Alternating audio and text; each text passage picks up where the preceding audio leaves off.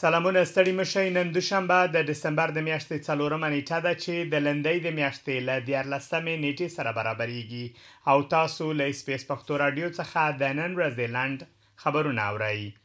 د ویکټوریا ایالت د کارګر ګوند وکیله پیټا مورفي سرطان سره له اوږدې مبارزې وروسته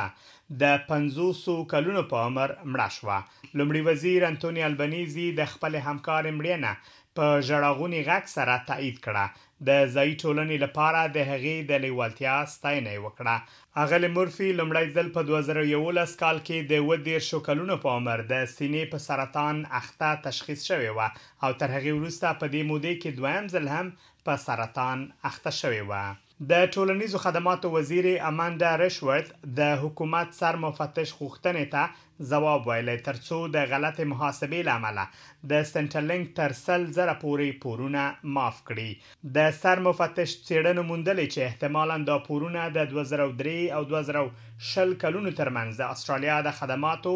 او د ټولنیزو خدماتو څانګې له خوا غلط محاسبه شوي دي. اغلې ریشورت ویلي چې حکومت اړوند پورونه ځنډولي او د دې ناوړه چلند د حل کولو څرنګوالي په اړه قانوني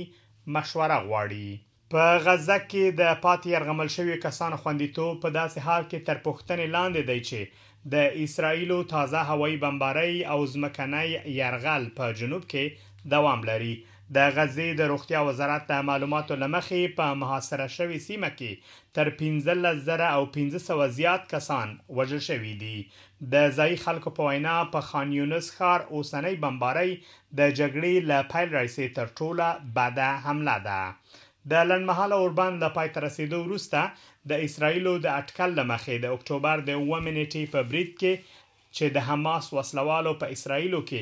دوولس سوه کسان وژلي، له دوه سوه څلوېښتو کسانو څخه یو سلو لس تنه یرغمل شوي بیرته خوشې شوي دي. د اسټرالیا سره صلیب په پنځو کلونو کې د نوي پروګرام لپاره د دوولس اعشاریه یو میلیون ډالرو تمویل د اعلان هرکلی کړی تر څو د هغو کسانو لپاره چې اجباري ودونه تجربه کوي یا په خطر کې دي